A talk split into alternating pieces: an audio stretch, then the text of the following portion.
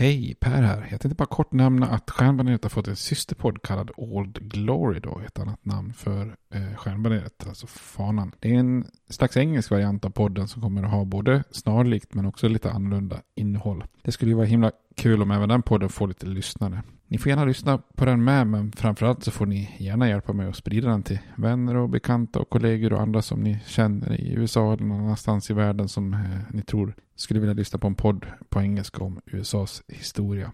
Tack, det var bara det jag ville säga. Nu kommer avsnittet. Hej då! Hi, this is Craig Robinson from Ways to Win, and support for this podcast comes from Invesco QQQ the official ETF of the NCAA. Invesco QQQ is proud to sponsor this episode and even prouder to provide access to innovation for the last 25 years. Basketball has had innovations over the years too. We're seeing the game played in new ways every day. Learn more at Invesco.com slash QQQ. Let's rethink possibility. Invesco Distributors, Inc.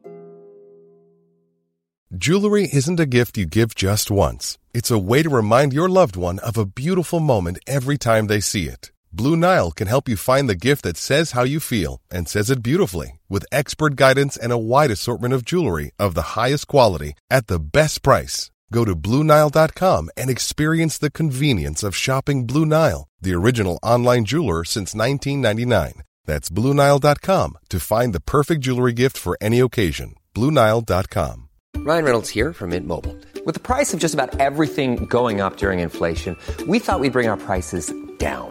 So to help us, we brought in a reverse auctioneer, which is apparently a thing. Mint Mobile unlimited premium wireless. Ready to get 30, 30, bit to get 30, bit to get 20, 20, 20, bit to get 20, 20, bit to get 15, 15, 15, 15 just 15 bucks a month. So, Give it a try at mintmobile.com/switch. slash $45 up front for 3 months plus taxes and fees. Promo rate for new customers for limited time. Unlimited more than 40 gigabytes per month slows. Full terms at mintmobile.com.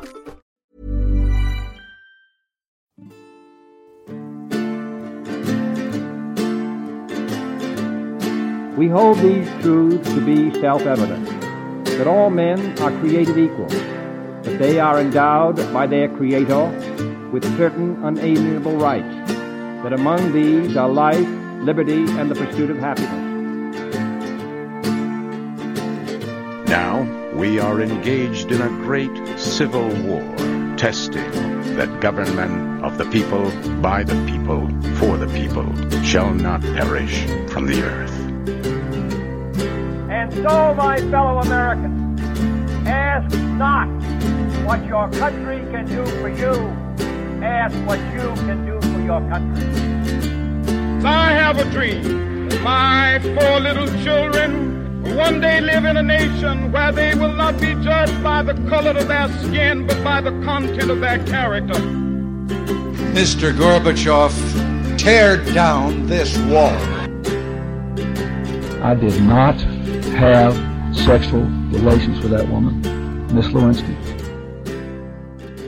Hej och välkommen till Stjärnbaneret, en podcast om USAs historia med mig Per Fjärdingby.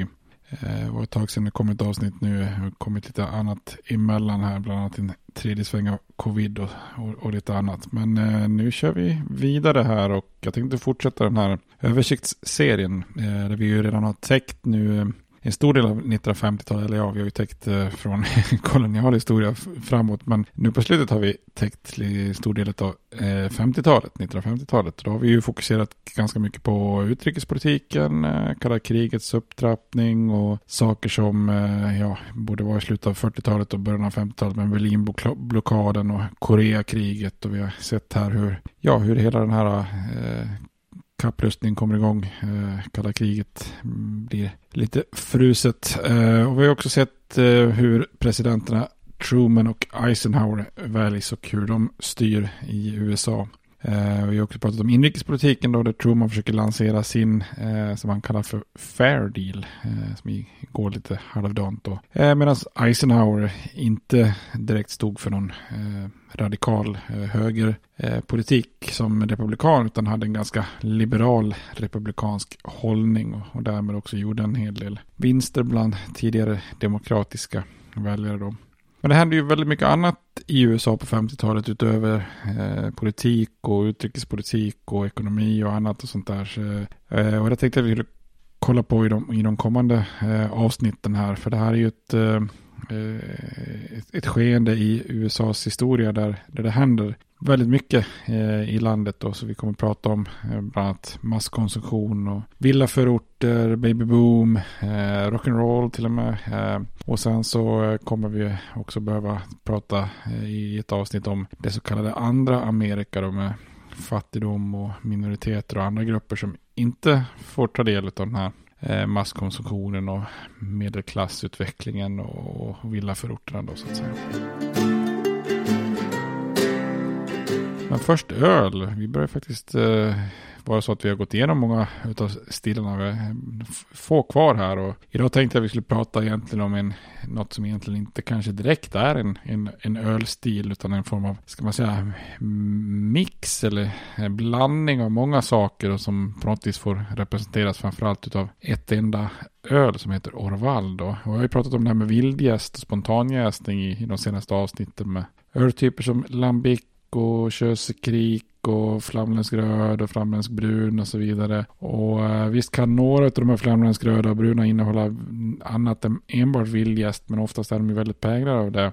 Och jag har ju också tidigare pratat om det här med trappister som gjordes av, eh, under överseende av munkar då. Och de här olika klosterstilarna som rent stilmässigt inte behöver vara Eh, då en öl som, där, där munkarna har kontroll över bryggningen. Då. Och det finns ju ett öl då som, som, eh, som sticker ut lite grann. Då. Det är ett belgiskt öl som eh, kombinerar alla de här grejerna. Då, som använder både vanlig gäst, alltså vanliga illgäst som passar för klosterstilar. Men som också då sekundärjäser med en sån här vildgäst. Ehm, och dessutom är det ju då ett kloster som eh, har överseende. Så det innebär ju att det inte bara är eh, ett slags eh, korsning mellan en vildjäst och en, ett klosteröl. Det är dessutom då ett öl som har den här trappiststämpeln då.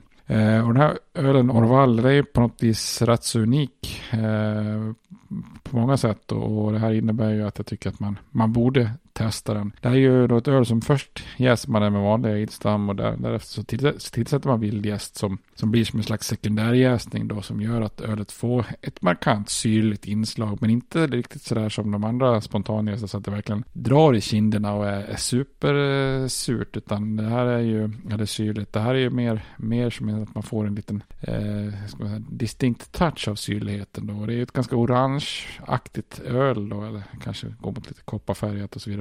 Eh, och för att vara trappistöl ganska välhumlat, eh, ovanligt välhumlat och eh, särskilt också med den här typen av syrlighet. Då. Så det är på många sätt en, en perfekt öl. Eh, den är smakrik, den är frisk, den är syrlig, den har apelsin och tangerin och andra sådana här fruktiga toner. Och sen har den en markant beska och en sån här härlig kryddig örtighet från, från humlen och, och lite från gästen också. Så att det här är ett, eh, ett spännande öl som kombinerar väldigt många olika aspekter och tappas ju också på en väldigt unik flaska som är otroligt rund och bullig med en liten etikett där det finns en fisk med en ring på som går tillbaka till en gammal eh, sägen från, från klostret där. Eh, och eh, bara googla på Orval så kommer ni nästan att bli sugna på att testa tror jag när ni, när ni ser den här fantastiska flaskan. Då. Och det här trappistklostret är ju skönt för de brygger egentligen bara, ja, de har en, en svagare variant precis där vid klostercaféet. Men annars är det ju en, en öl som ligger på 6,2 procent. Och man, man gör den ölen helt enkelt. Man gör inga andra sorter. Utan man har en, man har en unik och fantastisk öl som, och det är den man nöjer sig med. Och den tycker jag definitivt att ni ska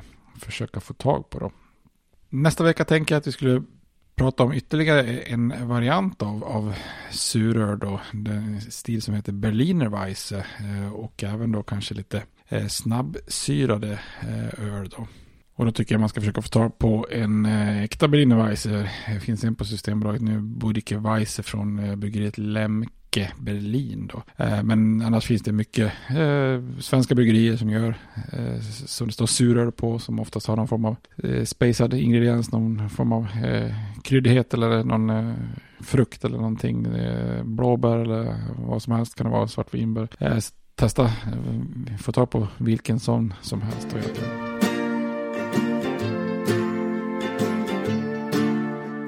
Men tillbaka till historien då. Eh, tittar vi på lite grann vad som händer eh, i USA under slutet av 40-talet och framförallt 50-talet så är det ju en, en tid där landet upplever ganska mycket ekonomisk tillväxt. Eh, och det fanns ju vissa problem. Det gör det ju alltid när länderna ställer om efter, efter sån här intensiv krigsproduktion. Och USA hade ju verkligen haft en enorm eh, produktion av, av eh, produkter under andra världskriget så att säga. Det var ju ett sätt att egentligen eh, avgöra andra världskriget genom att helt enkelt pumpa ut mer material än, än, än fienden. Och, eh, och det är klart att det även under, efter andra världskriget finns en del problem att ställa om ekonomin till fredstid igen. Då. Och då fanns det ju många som oroade sig att den här stora depressionen som hade hållit landet i, i strypgrepp eh, innan på, på 30-talet, att den skulle göra comeback då, särskilt när det dippar lite efter, efter kriget och så, så börjar man eh, bli lite oroad där. Men, men det gör ju inte comeback, utan andra världskriget är ju det som slutligen tar ur landet ur eh, depressionen då.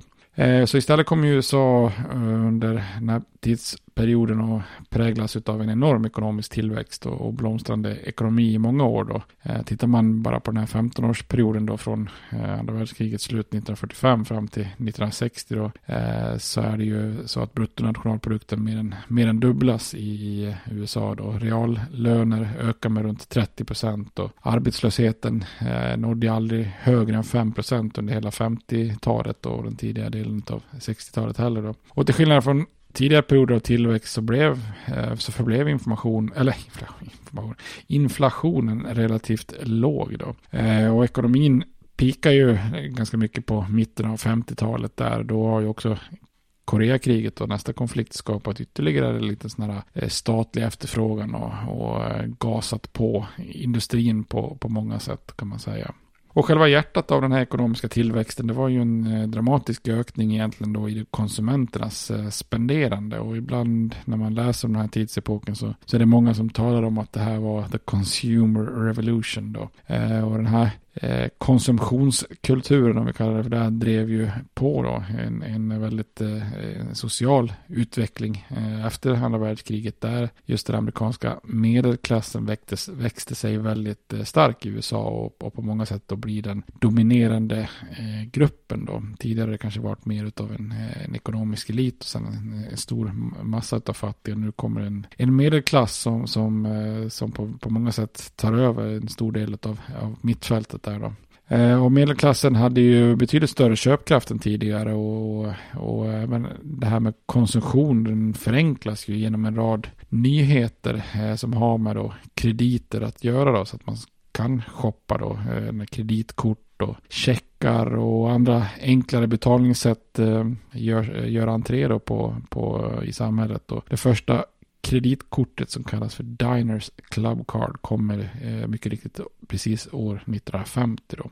Och de här konsumenterna då som, som nu helt plötsligt har mycket köpkraft eh, hade också mycket mer varor att välja på. Eh, och marknadsföringen slog samtidigt igenom på en väldigt stor och bred front och skapar ett behov och ett sug efter nya eh, produkter då, där egentligen marknadsföring som, som fenomen slår igenom för första eh, gången eh, på allvar då. Eh, bilindustrin skjuter fart igen efter att ha haft en, en dipp då. Och det är ju också en eh, rad nya produkter som, eh, som slår igenom på bred front. Eh, allt från diskmaskiner och tv-apparater, stereoapparater och, och liknande. Och det här konsum, konsumtions eller konsumentsamhället slog ju också på många sätt är det genom, sätt igenom eh, som nationellt fenomen då, alltså att man börjar marknadsföra produkterna på nationell nivå istället för bara eh, i olika delstater och regionalt. Och, eh, logistiken, eh, Eisenhower kommer jag ihåg satsade ju väldigt mycket på, eh, på motorvägsnätet och, och så. Det här innebär ju också att det blir lättare att med frakter och transporter och kan man också distribuera Eh, varor nationellt och då kan man också sälja nationellt. Så att eh, här, här är det mycket som går hand i hand då. Eh, TVn som vi kommer till slår ju också igenom då mycket sådana program då som till exempel eh, Mickey Mouse Club då, Musse Pigg-klubben skapar ju ytterligare efterfrågan bland många yngre då. Eh, framgångsrik, framgångarna för, för just Eh, Disney som företag var ju så stora så att man kunde bygga eh, det här första Disneyland i, i Los Angeles då som ju också invigs 1955 eh, och som vi kommer att komma till. Det är ingen slump heller att det är just i Los Angeles då, eftersom det är en av de regionerna i USA som, som växer allra snabbast och mest under den här perioden då. Och i det här masskonsumtionssamhället då med, med nya avdelningar för marknadsföring och nationell, eh, nationell distribution så växer det också fram i USA på 50 och 60-talen i en, ett, ett slags affärsliv och industrisammansättning som, som förändras ganska mycket. Då. Och trenden blir ju att den ekonomiska makten helt enkelt koncentreras till, till stora företag som ser liksom hela nationen som tänkbara konsumenter och inte bara vänder sig till lokala mark marknader. Då. Och en följd av den här efterfrågan och uppkomsten eh, av förorter som vi kommer att komma till blir också att man börjar skapa då olika köpcenter och supermarkets där eh, stora kedjor kan, kan få ett enormt eh, genomslag. Då. Eh, det uppstår ju då eh, rent ekonomiskt ett antal sådana här industrijättar. Då. Eh, många har ju någon form av koppling tillbaka till försvarsindustrin då. Men den här utvecklingen är ganska brutal och under 50-talet så köpte de 500 största företagen tillsammans upp nästan 3500 andra företag.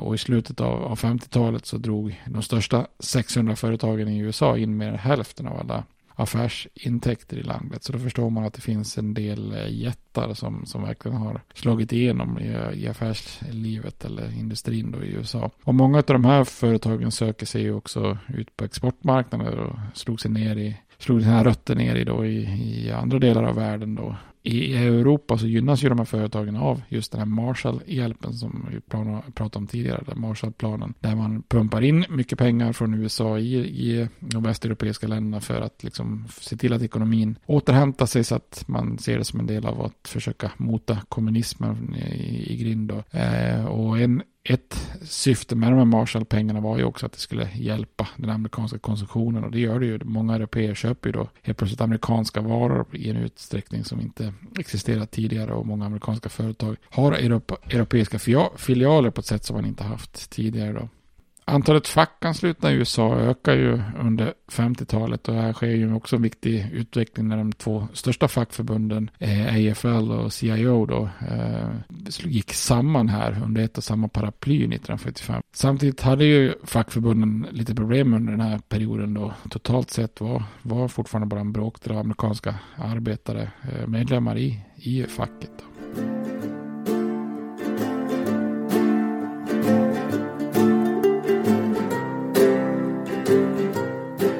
En annan sån här sak som verkligen präglar efterkrigstiden och 50-talet det är ju det man brukar kalla för baby boom då. Att det föds väldigt mycket barn då. Och det är ju en annan liksom motor i hela den här uppkomsten av medelklassen och konsumtionssamhället det är ju, är ju den här babyboomen då. Alltså en kraftig ökning i att man skaffar barn då. Och att skaffa barn går ju också eh, mycket på många sätt hand i hand med utvecklingen av medelklass livsstil och efterfrågan på nya produkter och ju mer barn du skaffar dig och flyttar ut i förorten desto mer vill du ju då konsumera och så vidare då. Eh, en engelsman som besökte USA 1958 1958 observerade jag att han nästan inte kunde se en enda ung kvinna som inte var gravid. Och det var kanske lite av en eh, överdrift då. Men eh, många amerikaner under 50-talet gifte sig väldigt tidigt och skaffade barn tidigare. Och det här minns ni kanske, det var ju liksom som en reaktion då från eh, tillbakagången under, under depressionen. För på 30-talet var ju, hade ju helt plötsligt människor blivit lite mindre eller lite mer försiktiga med att just skaffa barn eftersom det var så, så svårt att försörja och det var sån eh, hunger och, och, och, ekonomisk kris och då vill man inte skaffa mer barn av den anledningen. Men nu är det som att man försöker ta igen det här då. Så mellan åren 1940 och 1955 så ökar USAs befolkning med rekordfart då med 27 procent. Eh, från 130 miljoner invånare till 165 eh, miljoner invånare då. Eh, och enbart 1957, året 1957, så föddes 4,3 miljoner barn. Då. Så att här har vi ju en helt ny babyboom-generation då, som, som eh, många av de eh, kända amerikanerna och politikerna som vi kommer till sen då tillhör den här babyboom-generationen. Och det här är, orsakerna är ju många bakom det här då. Dels hade ju depressionen skjutit upp många sådana här beslut om giftermål och, och familje, mm, familjebildningar och i goda tider som, som det var då ekonomiskt så känns det kanske eh, rätt att, att skaffa barn. Eh, dessutom är det så att inom kultur och tv och tidningar och sånt där så, så är det mycket eh, artiklar, många tv-program och så som, som verkligen är någon form av hyllning till kärnfamiljen. Så att det är ju också under de här åren lite, om man kallar det för inne, att skaffa barn helt enkelt. Då. En tredje orsak var ju att landet faktiskt nu hade en viss grundläggande välfärd på plats som, som gör att många också vågar kanske chansa på att skaffa barn och, och gifta sig tidigt. Det kanske också var någonting som man var, var lite försiktig med, med tidigare då. Det tas ju också otroligt många medicinska framsteg under den här perioden också då. Antibiotika, vaccin och sånt där gör ju att eh, spädbarnsdödligheten blir otroligt mycket lägre och den allmänna hälsan blir ju bättre då. Eh, väldigt många sjukdomar som tuberkulos och mäss, mässling och annat liksom som tidigare har varit en stor eh, riskfaktor för, för små barn har ju också minskat. Och en eh, särskild fiende som, som, som drabbade just barn och som kunde eh, minimeras mycket under den här perioden det är ju också sjukdomen polio som, som var det som eh, Franklin D. Roosevelt hade haft som, som liten och som gjorde honom till, till handikappad som vuxen då. Eh, och den här babyboom-generationen eh, skulle ju prägla mycket av USA och det här konsumtionssamhället för en väldigt, väldigt lång tidsperiod eh, i USAs historia. Då.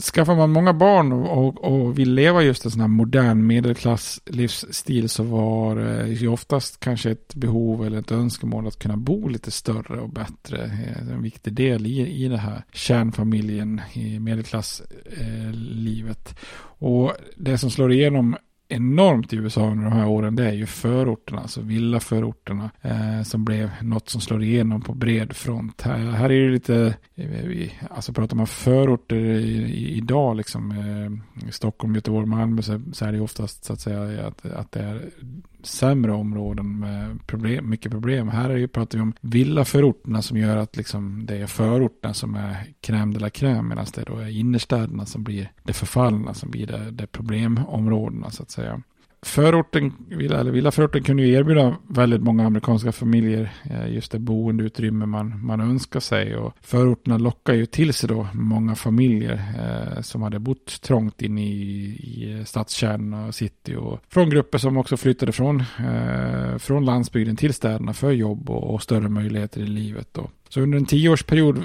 fram till 1958 så byggdes eh, någonstans runt 13 miljoner nya hem i USA. Då. En väldigt stor del av det här var ju då nya förorter som liksom växer upp som, som svampar runt, runt städerna. Då. En av de mest kända tillverkarna var ju pionjären William Lewitt vars eh, byggfirma eh, byggde relativt billiga standardiserade eh, envåningshus med, med, med, stora vardagsrum, kök, två sovrum, kaklade badrum och så vidare. Och man la sig på ett totalpris på runt 8 000 till 10 000 dollar, vilket ju då var ett pris som många amerikaner på något vis kunde, kunde klara av då så att säga.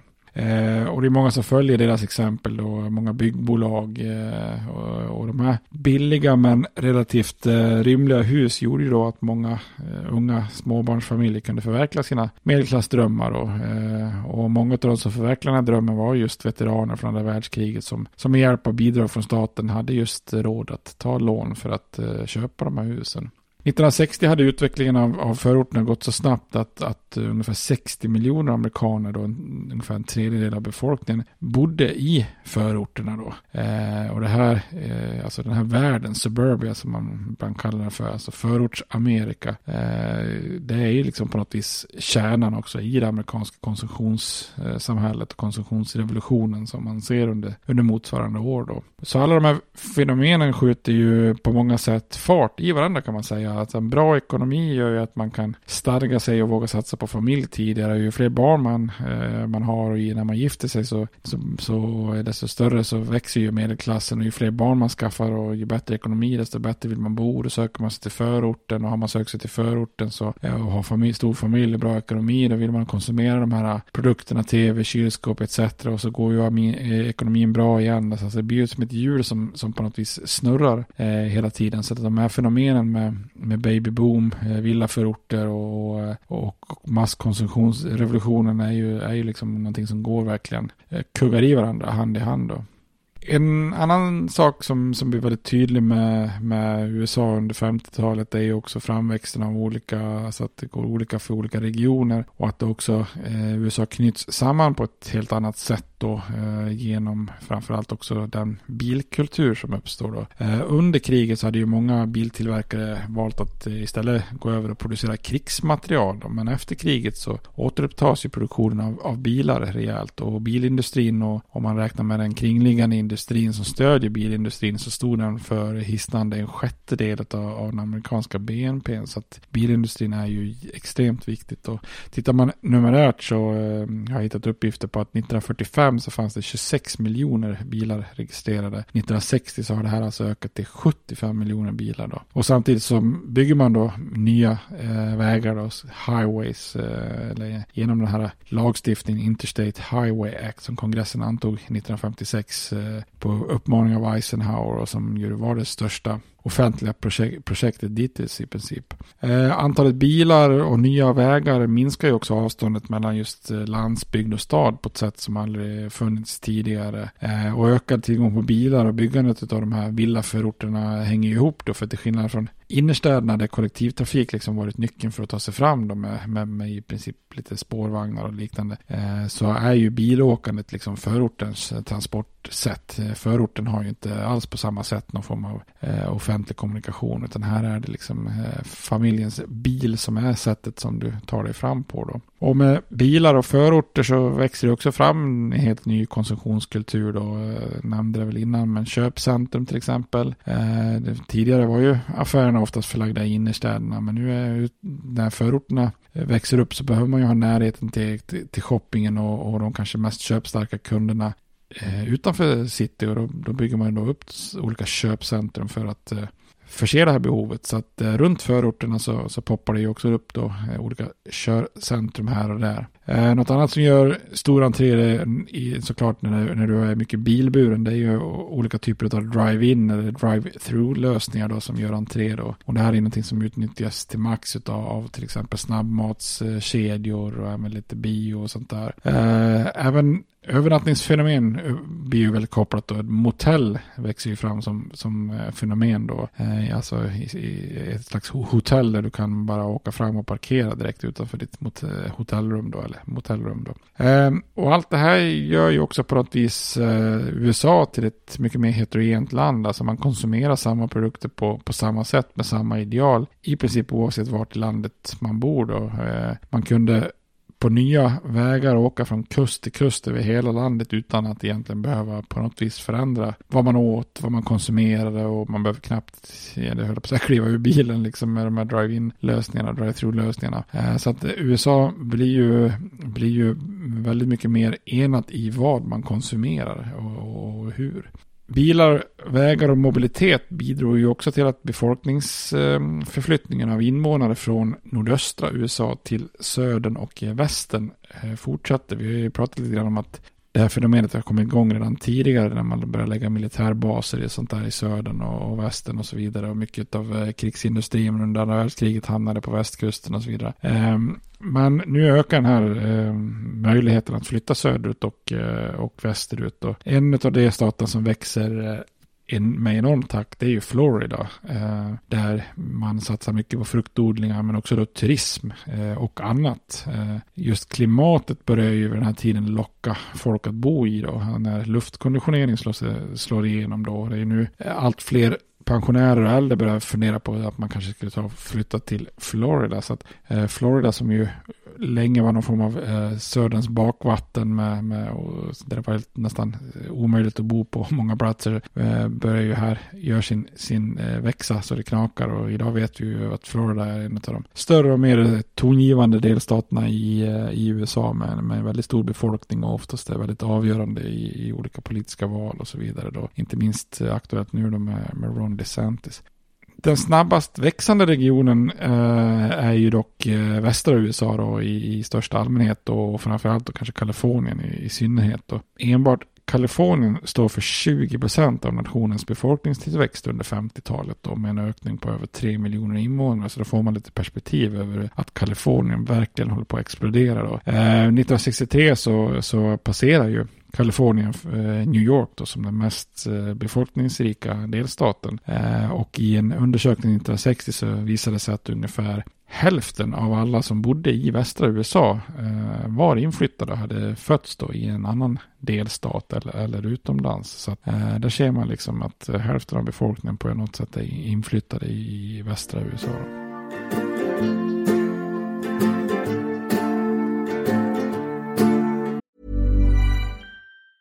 Hey, it's Ryan Reynolds, and I'm here with Keith, co star of my upcoming film, If, only in theaters, May 17th. Do you want to tell people the big news? All right, I'll do. Sign up now and you'll get unlimited for $15 a month in six months of Paramount Plus Essential Plan on us. Mintmobile.com slash switch. Upfront payment of $45 equivalent to $15 per month. Unlimited over 40 gigabytes per month. Face lower speeds. Videos at 480p. Active Mint customers by 531.24 get six months of Paramount Plus Essential Plan. Auto renews after six months. Offer ends May 31st, 2024. Separate Paramount Plus registration required. Terms and conditions apply if rated PG. Millions of people have lost weight with personalized plans from Noom. Like Evan, who can't stand salads and still lost 50 pounds. Salads generally for most people are the easy button, right? For me, that wasn't an option. I never really was a salad guy. That's just not who I am. But Noom worked for me. Get your personalized plan today at Noom.com. Real Noom user compensated to provide their story. In four weeks, the typical Noom user can expect to lose one to two pounds per week. Individual results may vary.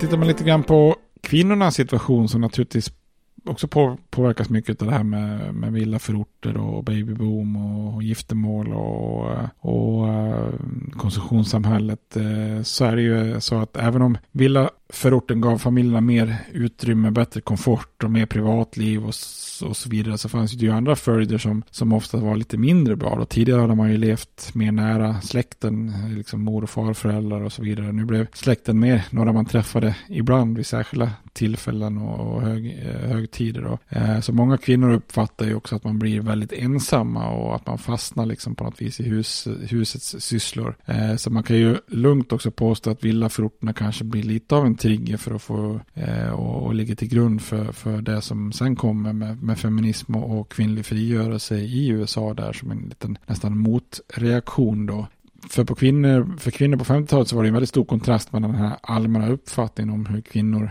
borde leva sina liv och hur de egentligen själva uppfattade sina liv. Då. I de flesta tidskrifter, tv-serier och annat så trummas ju ett ideal ut då där kvinnor skulle gifta sig, ta hand om hemmet, laga mat, föda barn, eh, ta hand om barnen. Eh, samtidigt som man då eh, skulle delta i lite lokala föreningar och vara goda värd, värdinnor och underhålla gästerna vid, vid olika bjudningar och sådär. Och enligt Life Magazine så var det också bra om man eh, hoppade lite trampolin då och då i trädgården för att bibehålla en bra figur. Så att eh, här skrädar man inte orden på hur det, det kvinnliga idealet ska se ut då. Eh, många såg ju på giftermål och barnuppfostran som, som någon slags nycklar till ett stabilt samhälle. Och i en film från 1950 då, The Tender Trap, eh, så sammanfattar ju då en av karaktärerna synen på, på kvinnor med, med meningen A woman isn't really a woman until she's married and had children. Så att det, det, det är ju liksom idealet på något vis eh, smack in your face då.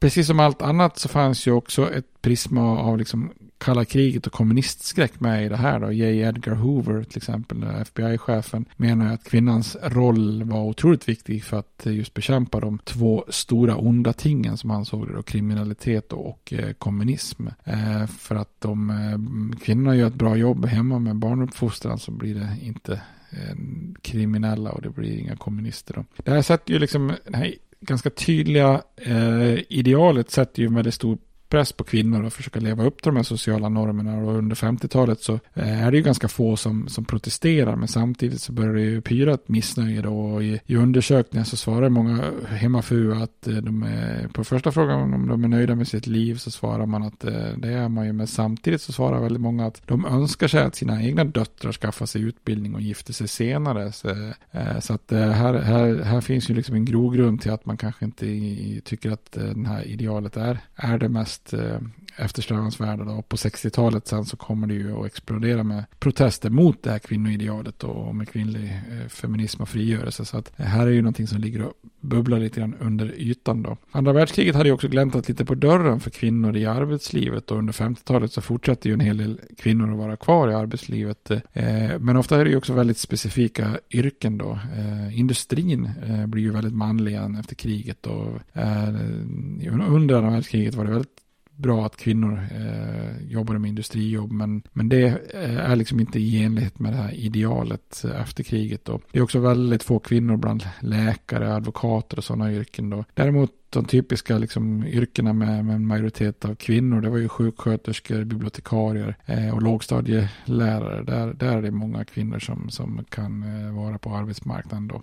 Ironiskt nog så var det masskonsumtionens tidevarv och medelklasslivsstilen som i, i, i många fall också fick eller nästan pressade ut kvinnor i, i arbetslivet. För många kvinnor jobbar deltid eller jobbar lite extra. Eh, främst för att just ha råd med en medelklasslivsstil och de senaste konsumtionsnyheterna. Eh, många familjer behövde helt enkelt ytterligare en inkomst för att ha råd att konsumera det senaste. Att kunna bo i villaförorten och kunna leva upp till den här önskade livsstilen som, som drevs på då genom kultur och, och marknadsföring. Då. Så i slutet av 50-talet så arbetade runt 40 procent av amerikanska kvinnor och eh, en tredjedel av alla gifta kvinnor hade någon form av sysselsättning utanför, utanför hemmet. Då. Eh, många av de här kvinnorna banar ju sedan vägen eh, för eh, den här nya feminismen och krav på jämställdhet som kommer under, under 60-talet som sagt. Eh, på den kulturella fronten så är det ju mycket också som ändras i USA på 50-talet och eh, framförallt så är ju 50-talet eh, årtiondet tvn slår igenom stort då. TVn fanns ju visserligen redan på 20-talet eh, men det är nu den liksom verkligen eh, når ut då, så att säga. Precis efter andra världskriget så hade en av 18 amerikaner tillgång till tv då. Eh, tittar man efter den här perioden då, år 90, när vi kom fram till sekelskiftet då, år 1960 så hade 9 av 10 amerikaner tillgång till tv. Så det är ju en enorm eh, skillnad liksom eh, i, i, under de här under de här åren då.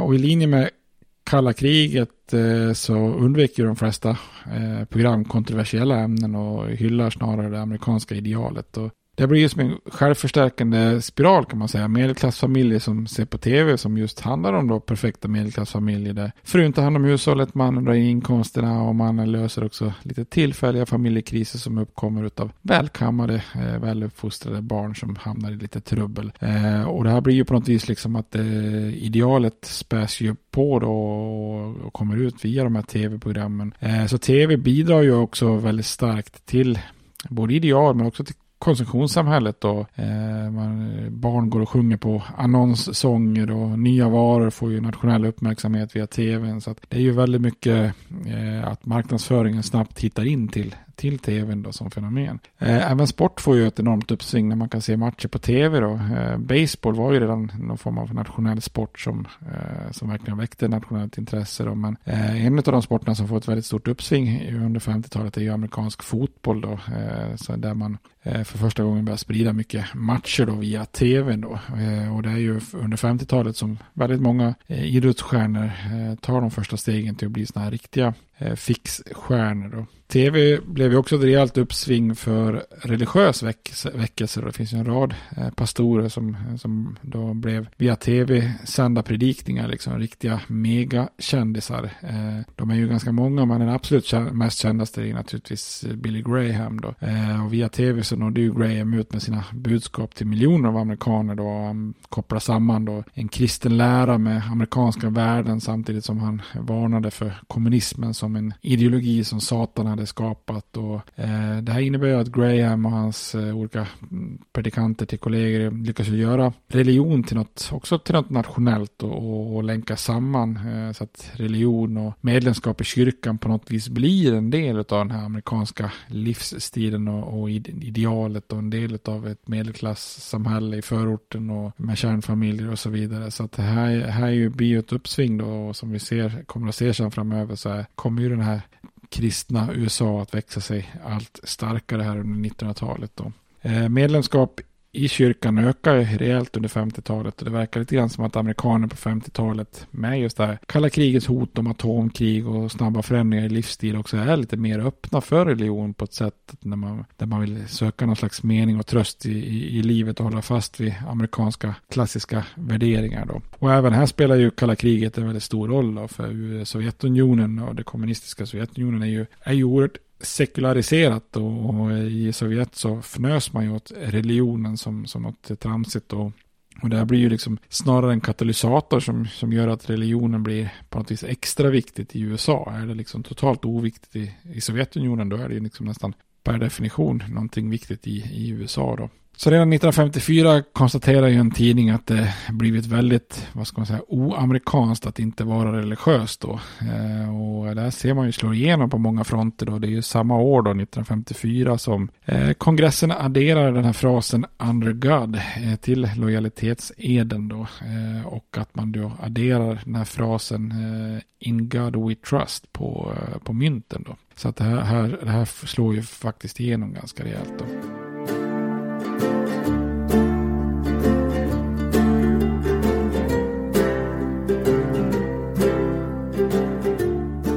Samtidigt fanns det också, alltså, om, om det här var liksom en strömning som eh, kulturellt och så som, som går mot medelklassideal eh, och, och eh, from, religiös fromhet och så vidare så är det också så att under 50-talet eh, finns en begynnande ungdomskultur som sen också kommer då leda fram till rock'n'roll. Och under 50-talet så fanns det ju helt plötsligt fler ungdomar än någonsin. Och just den här termen tonåring uppstår ju, teenager uppstår ju liksom i språket för, för första gången under 50-talet i USA. Och vuxenvärlden eh, som vanligt förfärades ju över de här ungdomssubkulturerna då. Eh, och dessutom är det ju då en tid där många tonåringar där dessutom har köpkraft och kunde ta sig runt lite enklare än vad föräldragenerationen hade gjort då med bilar och så vidare, vilket ju ger en större frihet. Då. Så eh, en high school-utbildning som ju var ett ideal för otroligt många medelklassfamiljer eh, blir ju också en parallell värld där istället för att eh, indoktrinera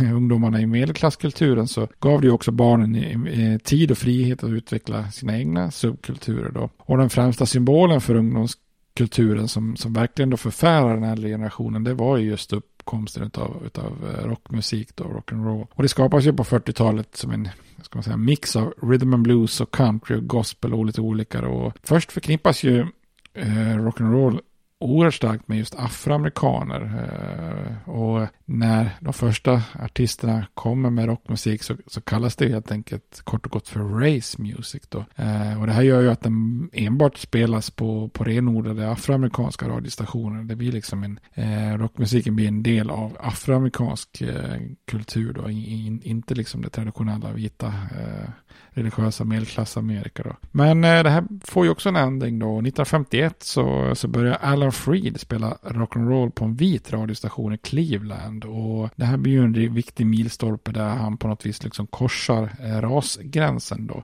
Eh, och istället för att eh, han, kan, han vill inte kalla det för race music då så hittar han på ett annat namn och det är då det blir eh, rock'n'roll då som ju också passade på ett, på, på ett lite upproriskt sätt eftersom det var ett slanguttryck lite grann för dans och, och sex då. Eh, och till en början så vägrar de flesta vita radiostationer att spela rock'n'roll men i takt med att ungdomar, både vita som svarta, efterfrågar musiken så börjar det här luckras upp då. Eh, Eh, till en början så är ju fortfarande väldigt många artister afroamerikaner men så småningom så börjar det ju dyka upp även vita band då. Eh, Bill Haley and the Comets och Buddy Holly till exempel banar ju vägen med en form av liksom, vad ska man säga, lite snällare, snällare vit eh, amerikansk version av, av rockmusiken då. Eh, den stora stjärnan blir ju dock Elvis Presley då och det sägs ju att skivbolagsdirektören Sam Phillips ska ha sagt att kan han bara hitta då vad han kallar för a white man with a negro sound I could make billion of dollars. Eh, så att eh, här, här försöker han ju liksom då hitta den perfekta artisten och det han hittar är ju Elvis Presley då som vi när han upptäcks är en 19-årig busschaufför från Tupelo i Mississippi och han slår ju igenom 1956 med, med hitten Heartbreak Hotel och bara två, eh, bara på bara två år så hade han ju eh, väldigt många monsterhits då.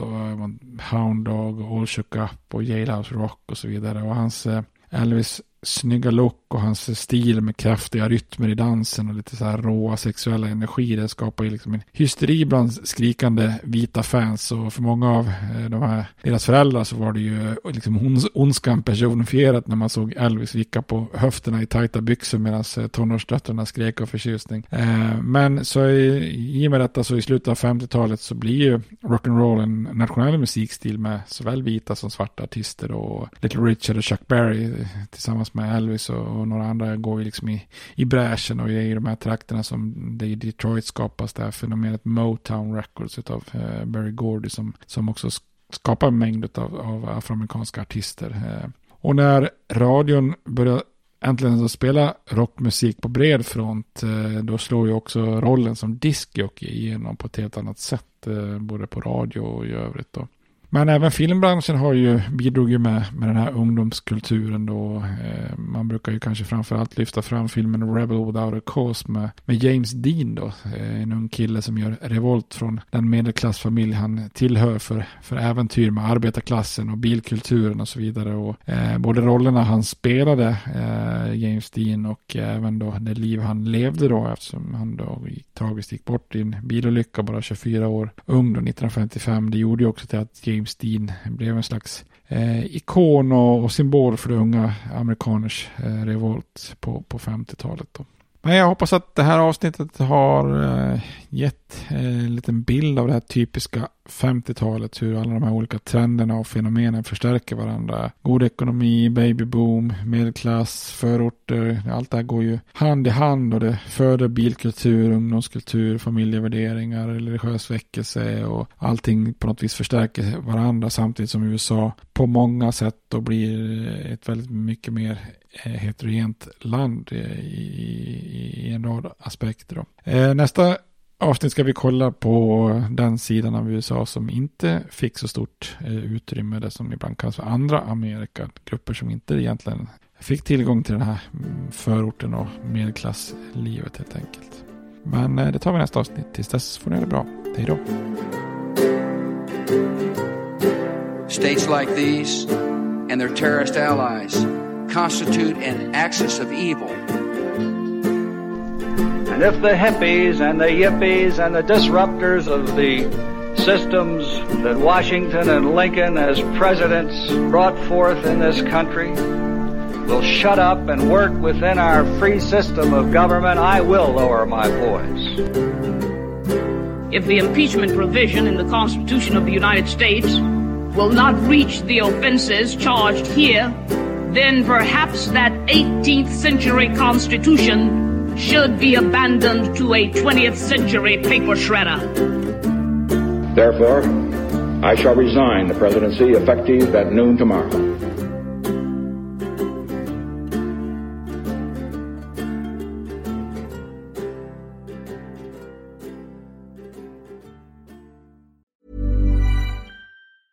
Hey, it's Danny Pellegrino from Everything Iconic. Ready to upgrade your style game without blowing your budget? Check out Quince. They've got all the good stuff shirts and polos, activewear, and fine leather goods, all at 50 to 80% less than other high end brands. And the best part? They're all about safe, ethical, and responsible manufacturing.